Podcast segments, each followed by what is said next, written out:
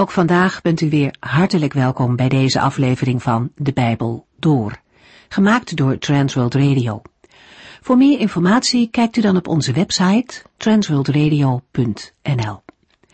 In deze serie gaat u in vijf jaar tijd met ons de Bijbel door, van Genesis 1 tot en met het laatste vers in Openbaring 22. Het is alweer de laatste aflevering van de Psalmen. We blikken nog even terug op Psalm 140, waarin David opent met een gebed om bescherming tegen gewelddadige tegenstanders. In deze psalm komt naar voren dat niet alleen lichamelijk geweld, maar ook woorden een heel gemeen wapen kunnen zijn. Kwaadspreken, laster en leugen, ze kunnen veel kapot maken. David heeft er ook vaak mee te maken gehad. Hij weet ook dat de Heere, die alle woorden kent, hem zal helpen zoals geen enkel mens dat kan.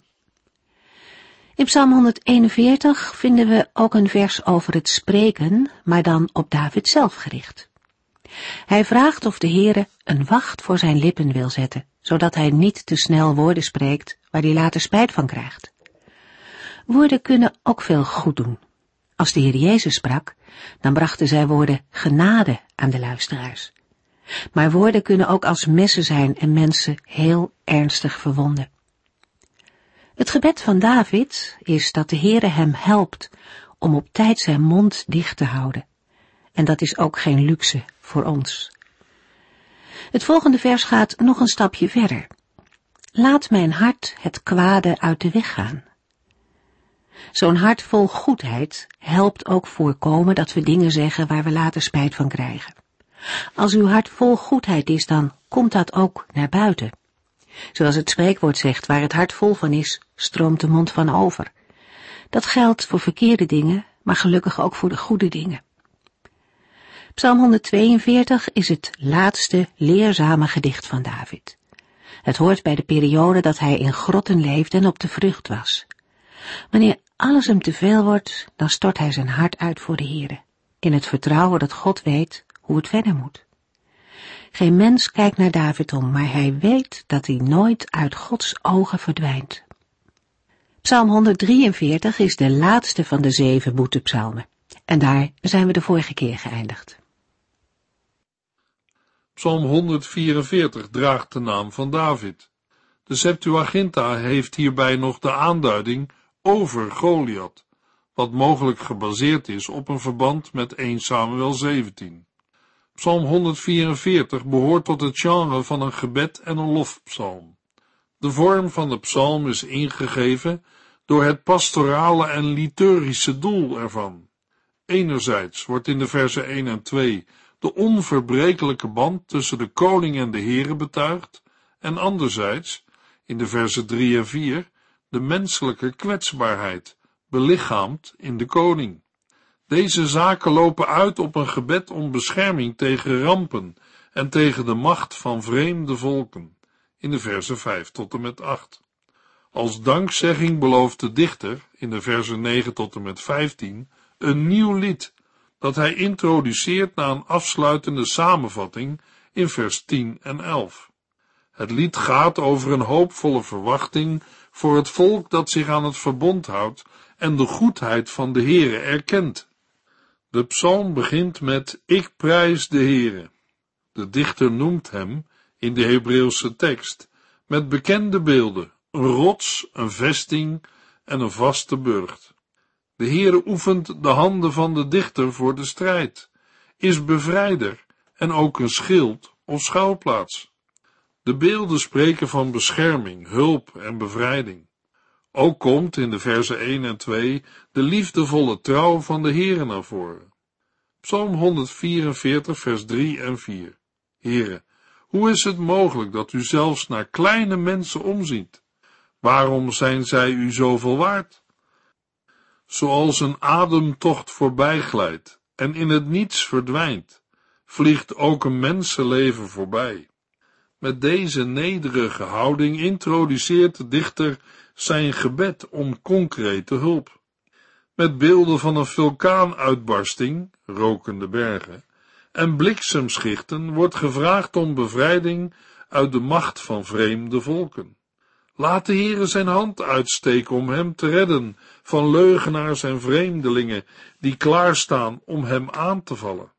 Ze zijn bedreigend en dodelijk als een watermassa. Maar hoe machtig ze ook zijn, de Heere beheerst het gevaar, zoals hij het gevaar van kolkende watermassa's beheerst. Psalm 144 vers 9 Mijn God, ik wil voor u een prachtig nieuw lied zingen. Onder begeleiding van de harp zal ik psalmen voor u zingen. De dichter zal voor de Heere een nieuw lied zingen. Dan herhaalt de dichter zijn gebed uit de versen 7 en 8 om redding uit de macht van vreemde volken, van leugenaars en bedriegers. De laatste vier versen bevatten het nieuwe lied dat de dichter al aankondigde. Daarin bidt hij om kinderen in de gezinnen, schuren met allerlei voedsel en een grote sterke veestapel. Hij bidt tegen rampen, zoals een uittocht of vlucht. De lijst lijkt onbescheiden, maar de dichter heeft reden om zulke zegeningen te verwachten. Ze zijn beloofd, als onderdeel van de verbondsrelatie. Zijn gebed is dat God met zijn volk zal zijn, zoals hij is geweest met David. Psalm 144, vers 15. Een volk dat zo kan leven, is een gelukkig volk. Het volk dat de Heere God aanbidt, is een gelukkig volk. Behalve het zingen van een nieuw lied, bekend uit het Bijbelboek Openbaring, plaatst Psalm 144 de nietigheid van het leven tegenover agrarische successen en rijkdom. De Heer Jezus noemt zichzelf, net als de dichter van Psalm 144, een mensenkind, die zonder enige rijkdom door het leven gaat en armer is dan vossen en vogels. In Jacobus 4 vers 14 lezen we, hoe weet u wat er morgen met u zal gebeuren? Uw leven lijkt op een damp, die er nu is en straks weer verdwijnt. We gaan verder met Psalm 145. Psalm 145 is de laatste alfabetische psalm in het Bijbelboek Psalmen. Psalm 145 heeft overeenkomsten met de alfabetische Psalm 111. Beide psalmen hebben dezelfde omschrijvingen van de grootheid en majesteit van de Heere.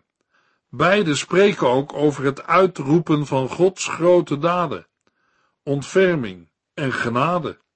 In Psalm 145 ontbreekt de veertiende letter in de Masoretische tekst.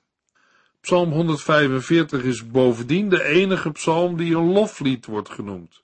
Hoewel de rabbijnen het hele psalmboek het boek van de lofliederen of lofprijzingen noemen. De psalm kent een opvallend hoge concentratie woorden die op een feestelijke bijeenkomst duiden. Na de aanhef volgen de liturgische acties elkaar snel op. Roemen en loven, onder andere in vers 1 en 10, eren en prijzen in vers 2, 3, 10 en 21, roemen in vers 1, 6 en 7, bekendmaken, verkondigen en vertellen in vers 5, 6 en 7, juichend zingen of jubelen in vers 7. Een belangrijk handschrift uit Qumran heeft van Psalm 145 een beurtzang gemaakt, zoals Psalm 136. In het handschrift is na elke zin een uitroep toegevoegd, waarmee de gemeente kan antwoorden. Geprezen zij de Heere en geprezen zij zijn naam voor altijd en eeuwig. Deze versie hoort zeker niet bij de oudste handschriften, maar duidt wel op een vroege gewoonte om Psalm 145 op een uitbundige manier samen te zingen. Ook de aanduiding dat de lofprijzing altijd zal voortbestaan, van generatie op generatie, duidt op het belang van Psalm 145 als feestlied. Na de aanhef volgt in de versen 1 tot en met 7 de lofprijzing aan de hand van de zeven eerste letters van het Hebreeuwse alfabet. Psalm 145, vers 1 en 2. Mijn God, ik zal u roemen. U bent mijn koning. Uw naam wil ik mijn leven lang loven. Elke dag zal ik u eren en uw naam prijzen zolang ik leef. Het loflied sluit af met vers 7. Laat uw grote goedheid genoemd worden en juichende liederen worden gezongen over uw rechtvaardigheid. Psalm 145 vers 8 De Heere geeft genade en ontfermt zich liefdevol. Hij heeft een onmetelijk geduld en is groot in zijn goedheid en liefde. In de versen 8 tot en met 13 wordt aan de hand van zes Hebreeuwse letters gezongen over Gods koningschap.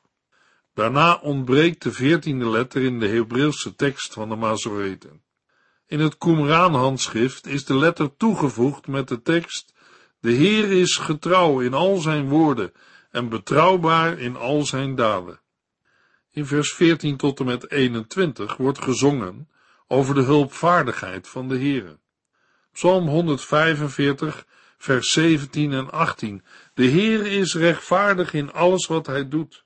Zijn goedheid en liefde stralen af van alles wat hij maakt. De Heer is dicht bij ieder die hem aanroept met een zuiver hart. Iedere gelovige zal meezingen met de dichter van Psalm 145, vers 21. Zonder ophouden wil ik vertellen over de grootheid van de Heere. Tot in eeuwigheid zal alles wat leeft zijn heilige naam eren. Zingt u mee? We gaan verder met Psalm 146. Psalm 146 is een individuele lofpsalm. De voornaamste kenmerken van een lofzang zijn aanwezig. De dichter gaat met de verschillende elementen vrij om en voegt zelfs onderdelen toe. Zo is zijn advies in de versen 3 en 4, als ook de zaligspreking van vers 5, kenmerkend voor de wijsheidsliteratuur. De dichter wil zijn hoorders aansporen op de Here te vertrouwen. De opbouw van de psalm is moeilijk te herkennen.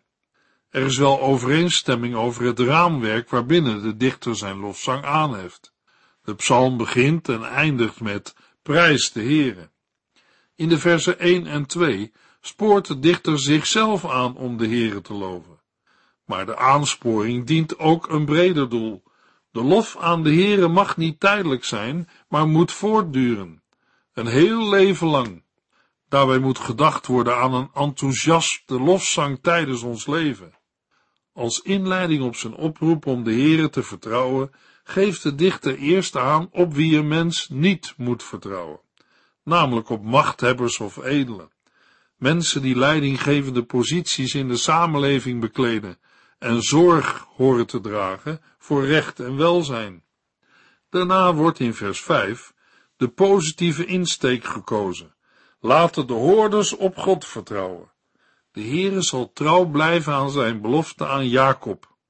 In de volgende verse wordt Gods trouw uitgewerkt met concrete voorbeelden. De God van Jacob is de maker van hemel en aarde, de zee en alles wat erin zwemt. Hij is de bevrijder van gevangenen en beschermer van hen die gebukt gaan onder zorgen. Met deze uitspraken wordt onderbouwd dat de Heere te vertrouwen is. Wie wil deze God niet dienen? De vreemdelingen worden beschermd en ook de andere twee kwetsbare groepen in de samenleving, weduwen en wezen, kunnen hun vertrouwen op God stellen. Zo wordt indirect duidelijk dat de Heere de ideale en echte koning is. Psalm 146 vers 9 en 10 De Heere beschermt mensen die in een ander land vertoeven en hij zorgt voor weduwen en wezen. Ongelovigen helpt hij echter niet. Hun wegen maakt hij tot dwaalwegen. De Heer is koning tot in eeuwigheid. Jeruzalem, uw God is er voor elke nieuwe generatie. Prijs de Heere. De Heere moet als ideale koning worden vereerd, maar zijn vertegenwoordigers op aarde kunnen zijn wil en plannen niet volkomen uitvoeren. In het Nieuwe Testament blijkt Jezus Christus de koning der koningen te zijn. Hij neemt de woorden van Jesaja 61, die sterk aan deze psalm doen denken in de mond. Zo maakt hij duidelijk wat zijn rol is, dat hij met recht de zoon genoemd kan worden, omdat hij aan de wil van de Vader gehoorzaamt. Psalm 146 is nog niet volledig vervuld. Net als het oude Israël hebben zij die Jezus Christus kennen de onwankelbare hoop dat hun koning, de Heere der Heer is en iedere knie zich voor hem zal buigen. In de toekomst zal die verwachting zeker worden vervuld. We gaan verder met Psalm 147. Psalm 147 is een lofzang die de voortdurende daden van de Heere bezingt en zich speciaal richt op Jeruzalem. Het lied past daardoor goed bij de afsluitende Hallel-psalmen in het Bijbelboek Psalmen. Psalm 147 is waarschijnlijk ontstaan in de periode van de ballingschap of daarna. De gedachten van vers 2 over het bouwen van Jeruzalem en het terugbrengen van de ballingen passen goed bij een dergelijke tijd. Er zijn veel literaire verwijzingen of citaten. Zo wordt er gebruik gemaakt van teksten uit Deuteronomium 4, Job 37 tot en met 39, Psalm 33, 104 en Jesaja 40 tot en met 66. Op bekwame wijze zijn de teksten verwerkt tot een nieuw loflied. Psalm 147 is opgebouwd uit drie delen. Elk van de delen begint met een oproep tot lofprijzing. De drie delen beschrijven achtereenvolgens dat de Heere voorziet in herstel, vers 1 tot en met 6. Hij voorziet in levensonderhoud, vers 7 tot en met 11, en in vrede, vers 12 tot en met 20. De dichter opent, net als in de laatste vijf psalmen, met de oproep Prijs de Heer of Halleluja. In Psalm 147 is die oproep een deel van de tekst en wordt de oproep tweemaal herhaald. In de rest van Psalm 147 wordt verklaard waarom de Heere de lof verdient. Voordat de dichter aan die uitleg begint, wijdt hij eerst uit over het loven zelf. Mocht er na de eerste twee versen nog twijfel bestaan over de mogelijkheden die de Heere heeft om herstel te bewerken, dan wordt die door de dichter volledig weggenomen. De Heere heeft de sterren gemaakt. Mogelijk klinkt hierin iets door van de disqualificatie van de Babylonische sterrenverering. Israël aanbidt geen sterren, zij aanbidden hun schepper. Met verschillende voorbeelden wordt de almacht van de Heere uitgedrukt. De God die dit kan doen, kan ook het herstel van een volk garanderen en bewerken. In vers 7 tot en met 11 klinkt een tweede oproep tot lofprijzing. De nadruk ligt nu op de dankzegging en begeleiding met de citer. Aan de hand van deelwoorden wordt duidelijk gemaakt wie de Heere eigenlijk is. Wat de Heere van zijn volk verwacht, lezen we in vers 11. De Heere hecht er waarde aan dat mensen ontzag voor hem hebben en vertrouwen op zijn goedheid en liefde. In de versen 12 tot en met 20 lezen we over de Heere die voorziet in de bescherming van zijn volk en zijn stad. De Heere verdient de lof van zijn volk, omdat hij de grendels van de poorten sterk heeft gemaakt. Het tweede aspect van Gods handel is de bescherming van de kinderen van Jeruzalem. In vers 14 wordt de bescherming uitgedrukt door te spreken over vrede voor de grenzen.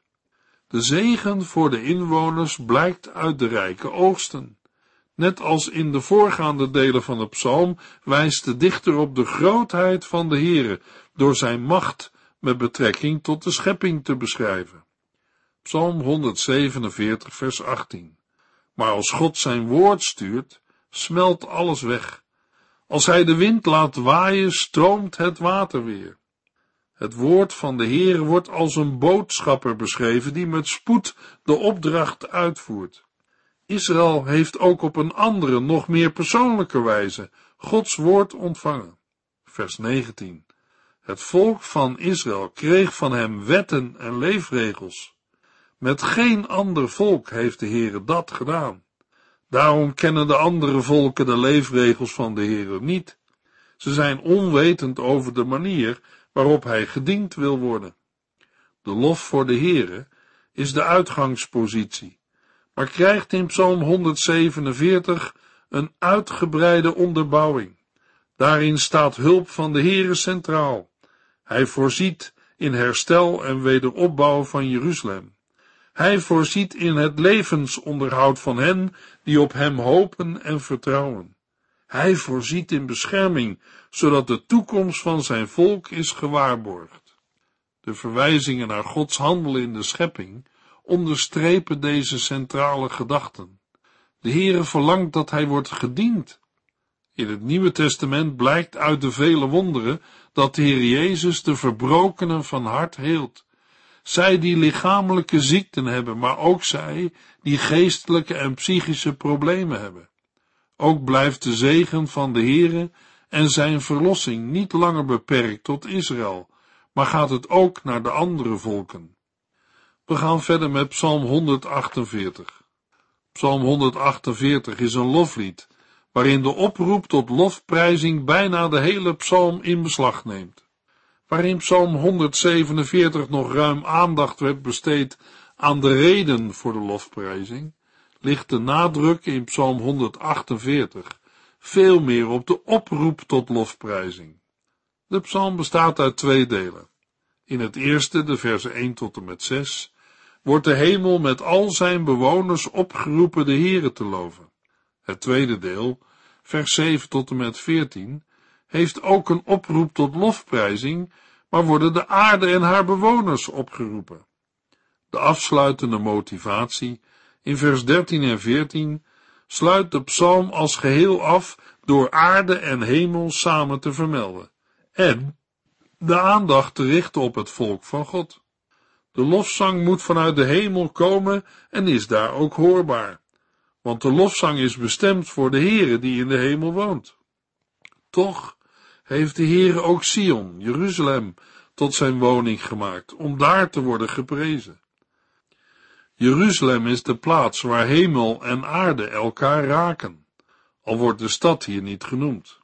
In het vervolg wordt de opdracht loof hem nog vijf keer gehoord, steeds gericht aan een bijzondere groep. Zij zullen zich niet buiten de wetten kunnen begeven die de Heer aan hen heeft meegegeven in de schepping. Daaraan blijven alle genoemde groepen altijd onderworpen. In de versen 7 tot en met 14 wordt ook de aarde opgeroepen in de lofzang een aandeel te hebben.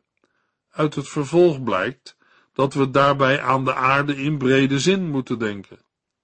De volgorde waarmee de schepselen worden genoemd, is in grote lijnen parallel aan de volgorde waarin ze zijn geschapen.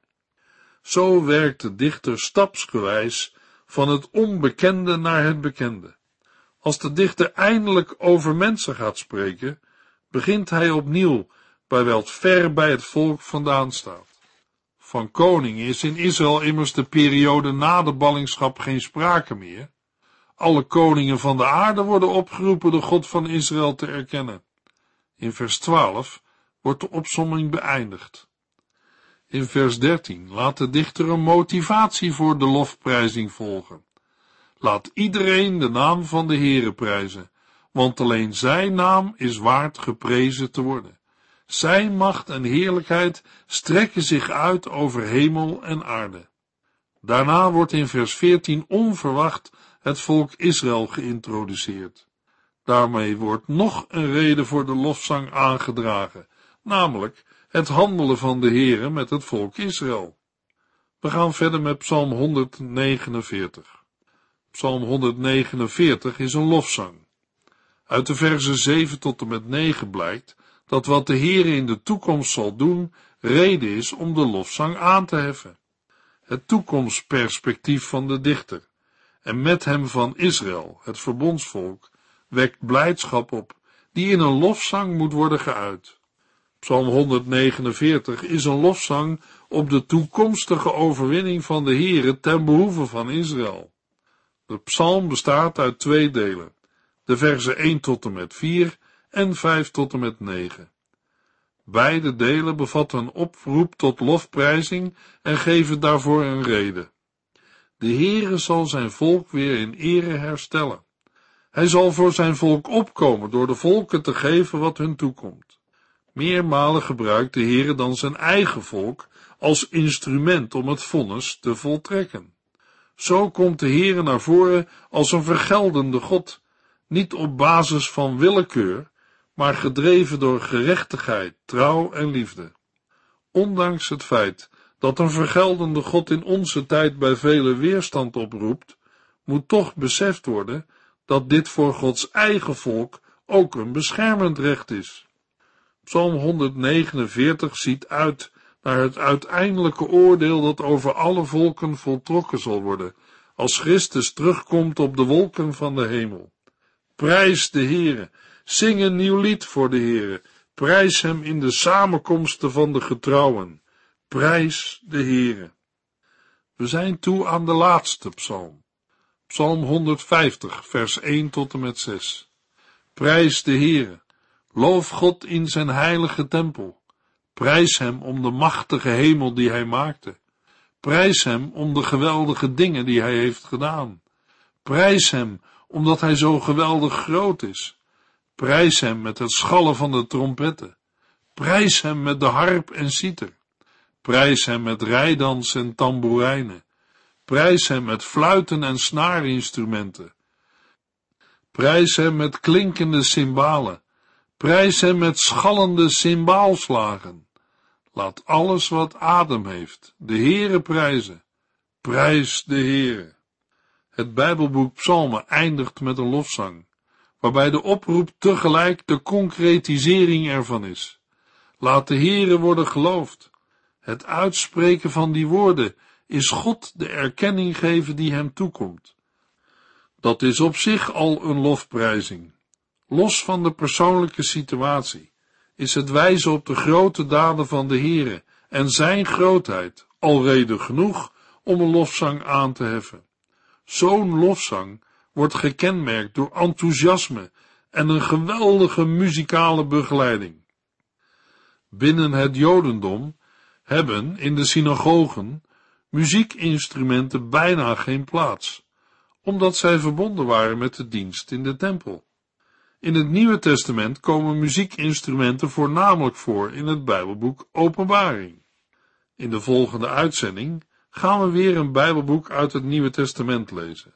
De brief van Paulus aan de Efeziërs. U heeft geluisterd naar De Bijbel door. In het Nederlands vertaald en bewerkt door Transworld Radio. Een programma waarin we in vijf jaar tijd de hele Bijbel doorgaan. Als u wilt reageren op deze uitzending of u heeft vragen, dan kunt u contact met ons opnemen. Tijdens kantooruren kunt u bellen op 0342 478432. 0342 478432. Ook kunt u een e-mail sturen naar de en natuurlijk kunt u ook via de post ons bereiken. TWR, postbus 371, postcode 3770, AJ in Barneveld. Dit programma werd gepresenteerd door Cor Weda en Ike André. Techniek was in handen van Odin van Voerkom. En wij allemaal bedanken u voor het luisteren. Graag tot de volgende keer.